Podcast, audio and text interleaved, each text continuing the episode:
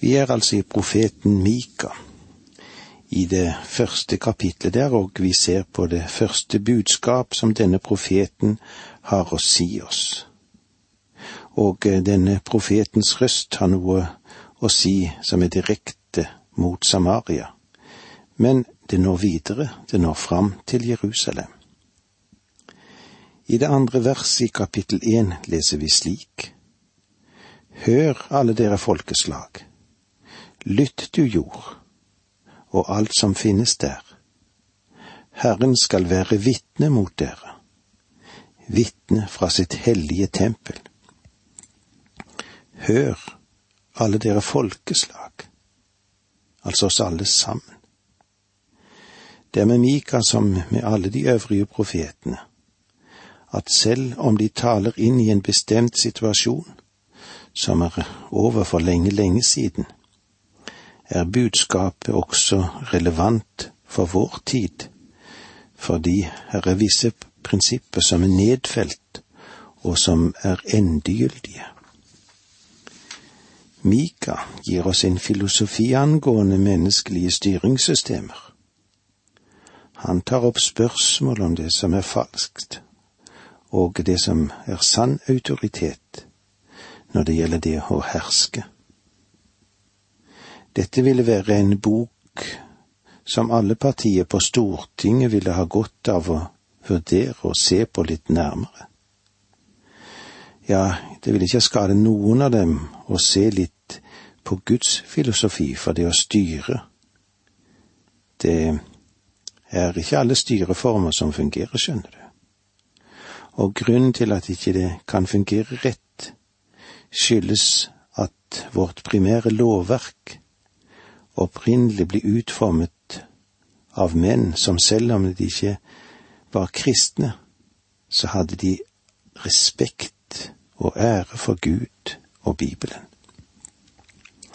De følte at de store prinsippene som var utmeislet i Bibelen, de var verd å følge, og derfor ble de vevet inn i hele vårt rettsapparat og i de styringsformene som vi har og derfor vil aldri dette helt fungere i gudløse menneskers hender.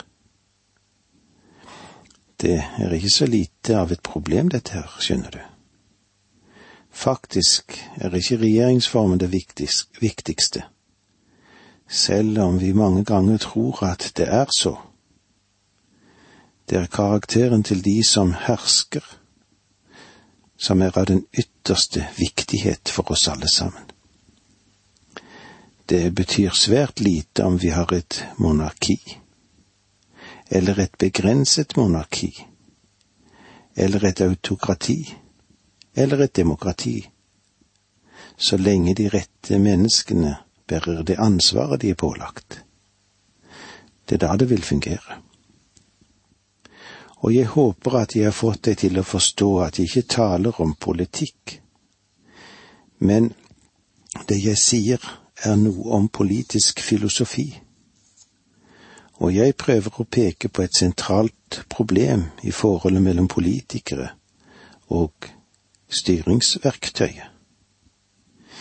Vi trenger menn i våre styringsorganer som har karakter og det viktigste for Norge er ikke spørsmål om vi har stortingsrepresentanter med eh, mediatekke, men det er det som er det store spørsmålet.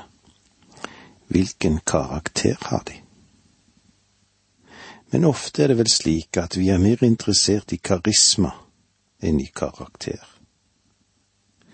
Mika tar opp hele dette spørsmålet i kapittel tre.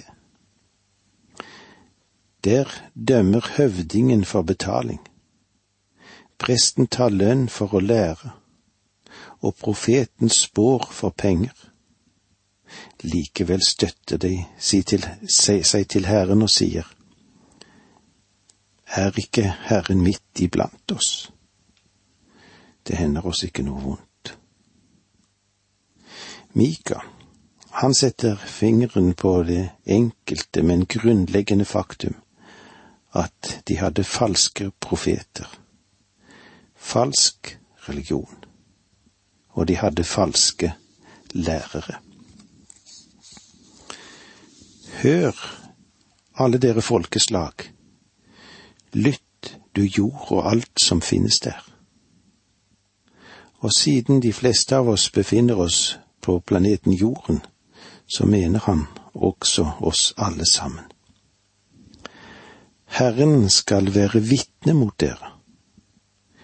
Mika kaller Gud til vitne angående den har å si. Herren skal vitne fra sitt hellige tempel. Herren er hevet over de nære ting, og derfor kan han objektivt bedømme. Han er i sitt hellige tempel nå.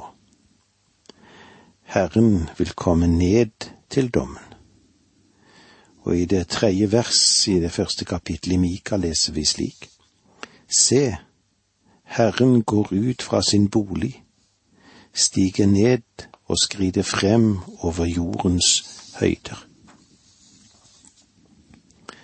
Selve den språklige formuleringen, den er vakker og den kan òg være skremmende på mange vis. La oss gjenta vers tre. Se, Herren går ut fra sin bolig, stiger ned og skrider frem over jordens høyder. Skrider fram over jordens høyder. Du husker kanskje at jeg ved en tidligere anledning har pekt på at høyden som her omtales, var steder der avgudstilbedelsen foregikk. Avgudsdøtter eller bilder ble satt opp i kløfter på toppen av høyder, eller over de fjellene som var der. Også på den tid var mange av byene belagt på høysletter eller på platåer. Både Samaria og Jerusalem ble bygget på fjell. Den Herre Jesus nevnte at en by som var bygget på et fjell, den kan ikke skjules. Og byen har en veldig innflytelse på området rundt den. Og når byen er sete for regjeringsmakt, ja, så har den en sterk innflytelse ikke bare på området umiddelbart rundt den, men ofte på hele verden og eh, det er forholdet for mange storbyer både i fortid og nåtid. Også byer er sentra for stor synd. Derfor kommer Gud ned for å dømme. Han vil skride frem over jordens høyder. Vers fire Fjellene smelter under ham og dalene slår sprekker, som voks når det smelter i ild, som vann når det styrter utfor stup. Fjellene smelter under ham, dalene slår sprekker. Dette er, klart nok et bilde av vulkansk aktivitet og jordskjelv. Vi befinner oss på samme språklige formulering som vi finner i skriftene fra dommerboken, ja, helt derfra og til og med Habakuk, og eh, for eksempel det òg som står i Salme 18, 8 til 11. Da skalv og skaket jorden, fjellenes grunnvoller ristet, de skalv fordi han var harm. Røk steg opp fra hans nese, fortærende ild fra hans munn. Gnistrer og glør for ut av ham. Han senket himmelen og steg ned med svarte skyer under sine føtter. Båret av kiruber fløy han. Han får frem på vindens vinger. Selv om dette språket er svært billedrikt, ja, så er det sannelig sterkt det er aktuelt og et nøyaktig bilde av det som fant sted. Og det reiser spørsmål om hva eller hvem som kontrollerer været og naturkreftene. Vel, Gud er den som kontrollerer naturen og jordskjelven og vulkanen og været. Jeg tror at Gud dømmer nasjonen, og han dømmer folkeslag. Og disse tingene som vi er innom her, de er advarsler. Men vi synes å være så vise i vår tid at det ikke tar tid til å lytte til signaler og til å oppfatte advarsler. La oss aldri glemme at Gud fremdeles beveger seg gjennom verden. Det var det vi fikk med oss i dag. Takk for nå, må Gud være med deg. Dette undervisningsprogrammet består av to deler. Åge Nevland fortsetter nå med andre del av dagens undervisning. Vi er i profeten Mika. Vi er i det første kapittelet, og vi ser hvordan Gud kommer til å skride frem over jordens høyder. Eller som det står i det fjerde verset i Mika 1. For fjellene smelter under ham, og dalene slår sprekker som voks når de smelter i ild, som vann når de styrter utfor stup. Fjellene smelter under ham, og dalene slår sprekker. Og eh, Gud reiser spørsmålet til oss, hvem er det som kontrollerer tingene rundt oss? Eller la meg stille spørsmål til deg, hvem er det som kontrollerer været og naturkreftene? Gud kontrollerer. Vi kan òg se på hvordan det er med byene som var på den tiden hvor Mika arbeidet og hvor han fikk profetere og vi kan òg tenke på hvordan det var i Tyrkia, spesielt langt langs vestkysten, og eh, der kan vi se hvordan det er med ruinene etter de store byene som Efesos og Pergamon, som en tid i historien var selve hovedblodomløpet for det romerske imperiet. Hvordan er det nå? Nå ligger de i ruiner. Hvorfor er det slik at det er så stor befolkning, men bare små byer der i dag? Fjellene smelter under ham, og dalene slår sprekker som voks når de smelter i ild, som vann når det styrter utfor stup. Vel, man kan jo si at dette er jordskjelvsområdet, det er så, og det har du rett i. Det er eh, interessant at mennesket tyr til og vil bo i områder hvor jordskjelvene er så aktive. Den største befolkningstetthet i hele det romerske imperium lå i det moderne Tyrkia. Og se hva som hendte med det. Historikerne de forteller oss at et jordskjelv ødela byene og førte til at folket de flyktet. Skulle jeg så ta helt feil når jeg sier at kanskje dette var også var et versel fra Gud? Gud klargjør i alle fall her spørsmålet om sin dom, som vi ser i det femte verset i det første kapitlet her i Mika. Alt dette skjer fordi Jakob er falt fra, fordi Israel har syndet. Hva er da Jakobs frafall? Er det ikke Samaria. Og hva er Judas synd? Er ikke det Jerusalem? Fordi Jakob er falt fra, fordi Israel har syndet. Her ser du at han taler til begge kongerikene og til deres hovedsteder. Samaria i Israel og Jerusalem i Juda. Hva er da Jakobs frafall? Eller bedre kanskje, hvem er ansvarlig for Jakobs frafall? Svaret er, er det ikke Samaria? Og hva er Judas synd? Er ikke det Jerusalem? Profeten, han legger anklagen på storbyen Jerusalem og Samaria. Jerusalem var det stedet der de skulle tilbe Gud. Men tilba de ham der, da? Vel, jo, de gikk ut til tempelet. Men de dro også til høydene der avgudsdyrkelsen og de groveste former for umoral florerte. Gud sa at det er på grunn av disse tingene han vil dømme disse to store byene på grunn av den veldige innflytelse som de har over folkene sine i Israel og Juda. Dette har vel kanskje et ord å si til oss og til vår egen nasjon. Det er eh, vel mye som taler for at vi har en brukbar styringsform, det er så. Men eh, spørsmålet er hvordan er det med de som styrer? Hvorledes er deres etos, deres syn på den styringsoppgaven de har? Hvilke verdier ligger til grunn hos hver av de som har hatt ansvar for å styre?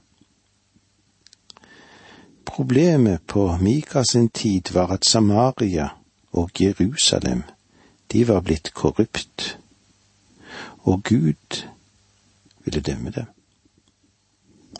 Hva med mitt land? Hva med vårt land? Vi kan bli mer enn fortvilet når vi til stadighet blir møtt av meldinger om økonomiske misligheter, moralske brister og mangel på integritet, ja, selv i de høyeste sirkler i samfunnet vårt. Det er et styringssystem under Gud som Mika utvikler og har som modell. Her møter vi Guds filosofi for regjering, forstår du. Og nå kommer vi til det første sterke utsagnet, og eh, kanskje også det lengste. Og det går gjennom resten av dette kapitlet, fra vers seks til og med vers 16. Det er en miniatyrfremstilling av den store ødeleggelse som vil komme i de siste dager. Vi vil eh, vende tilbake til det temaet om dommen under de tre, de siste dager når vi kommer til det fjerde kapittelet hos Mika. Men her i det første kapittelet er det en lokaldom, eller en regionaldom, der Asyria ødela Samaria. Denne byen var en gang en av de vakreste byer som du kunne tenke deg. Det var en by som hadde stor innflytelse og hadde høy kultur. Det var en by som hadde store løfter for fremtiden. Men i dag, ja, i dag ligger den i støv og aske. Vi leser vers seks. Men jeg skal gjøre Samaria til en steinrøys og byens mark til en vingårdsjord. Jeg velter steinene ned i dalen og legger byens grunnvoller bare men jeg skal gjøre Samaria til en steinrøys og byens mark til vingårdsjord. Det er det den er i dag.